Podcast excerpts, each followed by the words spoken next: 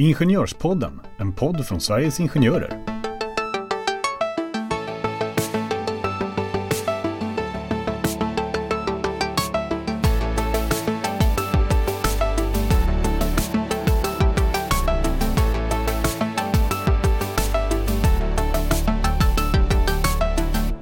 Måste man berätta för sin arbetsgivare att man har en funktionsnedsättning? Och hur mycket måste arbetsgivaren anpassa arbetsplatsen och arbetsuppgifterna i förhållande till en arbetstagare som har en funktionsnedsättning? Idag kommer vi att utgå från en dom från Arbetsdomstolen som handlar just om det här. Varmt välkomna till Ingenjörspodden!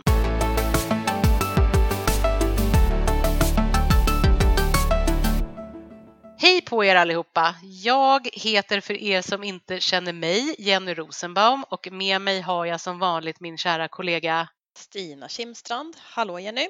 Hallå, hallå! Och det är vi som är programledare för Ingenjörspodden, podden för dig som tycker att det är intressant med fackliga och arbetsrättsliga frågor. I slutet av 2020 kom en dom från Arbetsdomstolen, nämligen numret 2020 nummer 58. Och den domen tyckte jag och Stina var så intressant så att vi tänkte att vi skulle ha den här domen som utgångspunkt för dagens avsnitt. Och eh, kortfattat, väldigt kortfattat ska jag försöka då, så handlar det här rättsfallet om en domstolshandläggare vid en tingsrätt som inte kunde utföra sina arbetsuppgifter på det sätt som arbetsgivaren ville att hon skulle utföra dem. Hon kunde helt enkelt inte utföra dem på det sättet och hon hamnade dessutom ofta i konflikter både med sina kollegor och sina chefer. Det arbetsgivaren gjorde det var att eh, tingsrätten gjorde då en rad anpassningar i form av att hon till exempel inte behövde rotera mellan fyra olika stationer utan hon kunde koncentrera sig på en arbetsstation.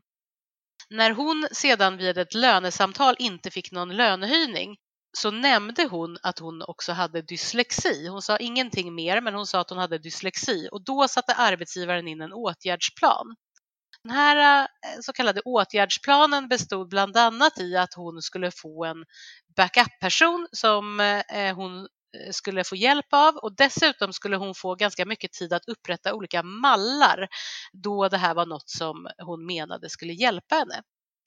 Men man upptäckte att det här inte heller hjälpte henne och eh, för att göra en lång historia kort så sa så småningom arbetsgivaren upp henne. Och då kom det fram att hon hade autism eller mer specifikt Asperger. Och det som Arbetsdomstolen hade att ta ställning till det var om arbetstagaren hade blivit uppsagd eh, på ett korrekt sätt eller om, hon, alltså om det hade funnits saklig grund för uppsägning eller om arbetstagaren hade blivit diskriminerad. Och man tog också ställning till huruvida arbetsgivaren eh, hade vidtagit skälig, stöd och anpassningsåtgärder. Det var väldigt eh, kortfattat. Man vill prata mycket, mycket längre om det här eh, för att man ska förstå bättre. Men jag tänker att vi kommer förstå mer om vi bara sätter igång. Stina, eh, om vi börjar med att säga någonting om just eh, att bli uppsagd på personliga skäl. Det är ju relativt svårt och ingenting vi helt kommer gå igenom idag. Men vad, vad skulle du säga? Ja, men jag skulle börja med att säga så här då, att, att vad som är saklig grund, det prövas ju nu och då för att man ska kunna se i olika situationer, var det här saklig grund eller inte? Det vill säga, var det enligt LAS möjligt att säga upp den här personen enligt den situation som har varit? Och om man då backar tillbaka och ser eh, att det här var ju en fråga som också föranledde ett behov av anpassning. Utan mm. att gå in för djupt Jenny, för det har vi ju svårt att göra i podden, men här kan man se att både arbetsmiljölagen lägger en skyldighet på arbetsgivaren att anpassa arbetsförhållanden till enskilda arbetstagare eh, och också kunna vidta en lämplig åtgärd.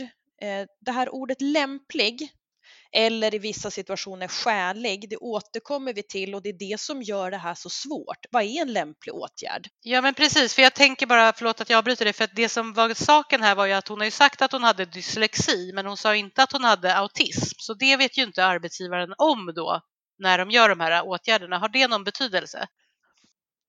En förutsättning för att arbetsgivaren ska kunna vidta olika anpassningsåtgärder det är också att man har vetskap eller att man borde ha insett att den här eh, arbetstagaren har en funktionsnedsättning i det här fallet. Mm. Eh, därför att nu är vi inne även på krav som ställs på arbetsgivaren enligt diskrimineringslagen. Så vi ser både rent generellt för arbetsgivaren att anpassa enligt arbetsmiljölagen och sen om man har en funktionsnedsättning att det ställer ännu högre krav på arbetsgivaren. Men då säger man ju faktiskt också att för att arbetsgivaren ska kunna fullgöra sina, sina skyldigheter då kan det vara så att arbetstagaren bör informera arbetsgivaren om mm. vad den här funktionsnedsättningen innebär och vilket behov av stöd och anpassningsåtgärder finns utifrån eh, individens situation. Skulle man kunna säga också, tänker jag bara som en parallell eh, som inte handlar mm. om diskriminering, men om man eh, för att arbetsgivaren ska få ett rehabiliteringsansvar eh, vid någon mm. typ av sjukdom, då behöver man ju ändå någonstans eh, som arbetstagare också påpeka eh, sjukdomen. Annars är det svårt att rehabilitera. Skulle det kunna vara någon, någon liknelse? Ja, men det kan det ju vara. Där pratar man ju också om att man ska medverka i sin egen rehabilitering, att det, det ligger liksom ett, ett delat ansvar för arbetstagare och arbetsgivare. Eh, Ja, det gör det inte riktigt kanske då i det här fallet eh, om man har en funktionsnedsättning. Det kan ju vara svårt om man kanske ett, inte känner till sin funktionsnedsättning eller två, ännu vanligare kanske, att man inte har den insikten att man liksom bör säga att man har en funktionsnedsättning. Nej, för jag tänkte liksom komma vidare till att säga så här att, att vad, vad, vad ser vi att, att det liksom pekas på? Jo, att, att det är enklare för arbetsgivaren att vidta åtgärder om det också finns en kännedom och att om det är helt uppenbart så ligger det någonstans mellan raderna att det borde arbetsgivaren ha insett. I annat fall så läggs, liksom läggs det tillbaka till, till arbetstagaren att om man inte har berättat så kan man heller inte ställa krav på arbetsgivaren. Mm. Mm. Och då, då liksom gör vi det väldigt enkelt för oss. Men om vi ska problematisera mer och säga så här, ja men är det så enkelt att berätta då? Och nu var ju du också inne på Jenny, en del har inte ens fått sin diagnos Nej. fastställd. Hur tänker du kring, kring det? Det är det ju inte och det kan ju bero på många olika saker. Alltså precis som du säger så kan det ju vara att man antingen inte har fått sin diagnos fastställd, då blir det ju väldigt svårt att eh, berätta. Det är ju ingenting man kanske säger på en intervju. Eh, de kanske bara känner, eh, man kanske känner när man har börjat jobba att man så att säga inte riktigt passar in eller att samspelet med andra personer kan vara lite, lite märkligt kanske och vilket kan ha med att man har antingen att man har en diagnos att man är autistisk, men det finns ju många, man kan ju också ha autistiska drag utan att ha fått en diagnos. Så att det finns ju väldigt många olika nivåer av det här. Eh, sen kan det ju faktiskt vara så att det inte är enkelt att berätta på grund av att det kanske finns ett stigma kring autism. Mm. Eh, så. Men Stina, vad tycker du? För att man pratar ju mycket i rättsfallet om gränser, alltså hur mycket ska man hur mycket ska man tåla? Vilka anpassningar måste man göra? Och, och kollegor till exempel, hur mycket ska de tåla? Ja, bra frågor och svåra att svara på. Man kan börja med att konkretisera att, att det egentligen det är tre olika roller i det här. Dels är det arbetsgivarens skyldighet som ska vidta eh, skäliga åtgärder, lämpliga åtgärder och skäliga åtgärder enligt liksom den lagstiftning som vi har och sen är det arbetstagarens skyldighet att kunna berätta om man nu eh, vet vad det är som man kan behöva för stöd. Det har ju vi nyss pratat om att det är svårt. Och sen har man ju rättigheter som arbetstagare också. Mm. Om, för funktionsnedsättningen är ju en skyddad diskrimineringsgrund och då åligger det ju skyldigheter för arbetsgivaren där. Men just det som du nämner med kollegorna, hur mycket ska man behöva tåla? Om man har en kollega som, där det finns samarbetssvårigheter till exempel, eh, så, så kan man ju också förstå att arbetsgivaren har en skyldighet att se till att hela verksamheten fungerar. Och mm. kan man egentligen prata om det och säga så här då, att för att det ska vara saklig grund att säga upp en person när det finns samarbets problem, då måste de ju vara av en mycket allvarlig art, alltså så pass att det går ut över arbetsgivarens verksamhet. Det, det räcker inte med att det finns bara en viss irritation mellan olika personer på, på en arbetsplats, utan det ska vara allvarliga samarbetsproblem. Eh, men det som påverkar det här, det är ju att om den bristande arbetsförmågan eller samarbetsproblemen beror på att en person har en funktionsnedsättning, då ställs det särskilda krav på arbetsgivaren. Så att det gör ju att en arbetsgivare har ju väldigt stort ansvar att försöka komma till rätta med det här när det är en funktionsnedsättning. Så att, å ena sidan så, så finns det normalt sett inte saklig grund för uppsägning om en arbetsgivare vill säga upp en arbetstagare som har en funktionsnedsättning. Ehm, om det är så att man genom skäliga åtgärder för tillgänglighet till exempel hade kunnat komma till rätta med det här, det vill säga försöka få en person med en funktionsnedsättning och en, en sa ju det innan när vi pratade om att det här mm. begreppet normalstörd som de eh, säger i, i Hudik-teatern. Alltså att, att både personer med och utan eh, ska kunna få stöd och den med en funktionsnedsättning ska kunna hamna i en jämförbar situation med en person som, som saknar den funktionsnedsättningen. Alltså vidta åtgärder. Så att arbetsgivaren ska egentligen inte fästa vikt vid begränsningarna som finns att utföra arbetet om vi skäliga åtgärder kan e-, eliminera eller reducera effekterna av den här. Så, så, att, så att hur mycket måste man anpassa? Det är omöjligt att säga, men man kan konstatera att det finns ganska tydliga krav ställda på arbetsgivaren och ännu mer förstärkta krav vid en funktionsnedsättning och där jag tror att ju tidigare man kan prata om vilka anpassningar en individ behöver så kommer det vara en, en kanske, ja, enklare vet jag inte om det blir, men åtminstone tidigare i processen kunna hjälpas åt att, att göra den här bedömningen för vad som går att göra. Ja, men precis, för bedömningen är ju egentligen, alltså det blir ju en svår fråga, för bedömningen är ju egentligen upp till en domstol att i efterhand avgöra, var det tillräckligt? Ja. Så det är ju ja. alltid väldigt svårt att, att säga, men man kan väl ändå säga, precis som du säger, att man måste ju vara medveten om, det är väldigt svårt för en arbetsgivare också att, att göra någonting om man är helt omedveten. Ja, och så får man ju också tänka sig att, att syftet med den här anpassningen, det är ju för att vi inte vill att stora grupper av arbetstagare ska utestängas från arbetslivet.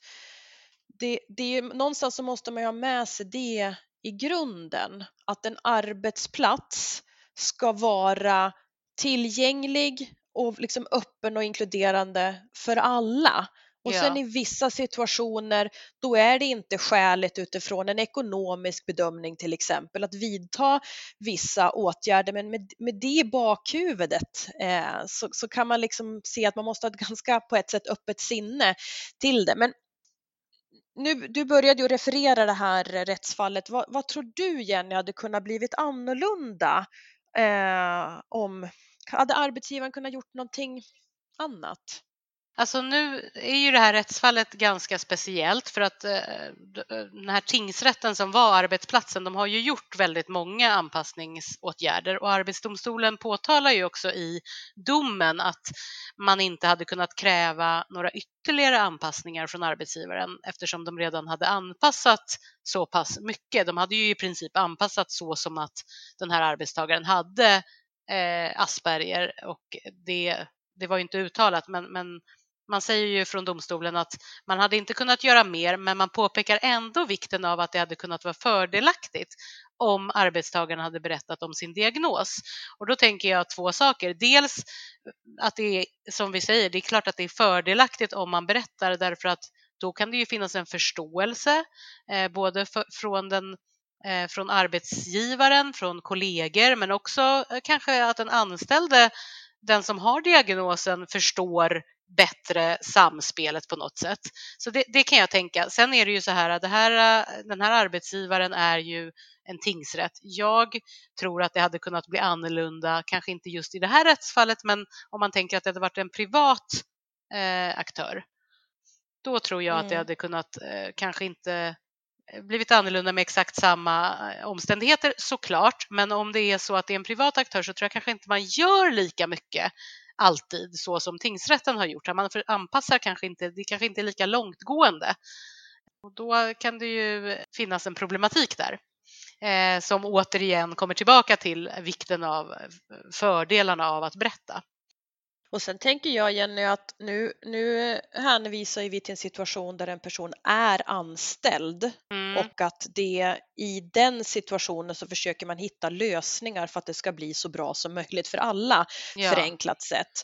Eh, men det finns ju också många situationer där en person inte ens får möjlighet att bli erbjuden en anställning eh, för att man eh, också konkretiserar, jag kommer behöva det här Mm. stödet i form av ett visst system kanske som ska köpas in där man bara blir kostnadsmedveten och, och nekar. Så att vi har ju också sådana erfarenheter som har prövats eh, vad som är liksom skäligt att, att kräva av en arbetsgivare. Men det är väl därför det här är så komplext, att man, man eh, både kanske vill inte berätta, det handlar om ekonomi och är det då på en ett privat bolag ännu kanske känsligare på det sättet.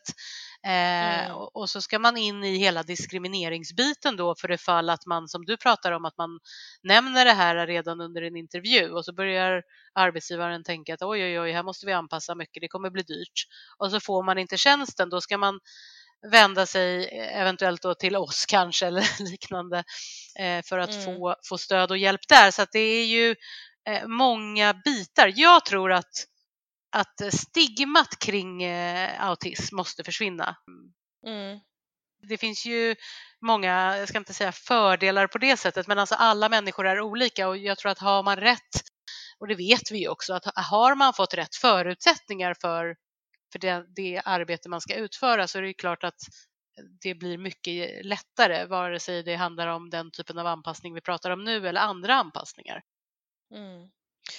Och, och, och tar man tag, har man en öppenhet för det här, att olika individer behöver olika saker och man är beredd att, att lägga lite mer tid på det så kan man också förhindra eventuella konflikter och samarbetssvårigheter som kan uppstå för att man inte förstår varandra, för att vi inte öppet pratar om att den här personen har behov av det här stödet och därför Ja. så kommer vi göra en, en egen anpassning till den personen som skiljer sig från ja, något stöd som du Jenny behöver, något stöd som jag behöver. Så att jag tror jättemycket på att vi skulle förstå varandra så mycket mer om man öppet pratade om att jag har jättesvårt att göra de här sakerna eller jag har koncentrationssvårigheter eller ehm, jag har behov av annat. Ja men precis, för jag tänker också i det här som du säger att om man inte vet, i det här fallet så blev ju eh, arbetstagaren extremt arg på sin chef och var ju väldigt, väldigt Mm. otrevlig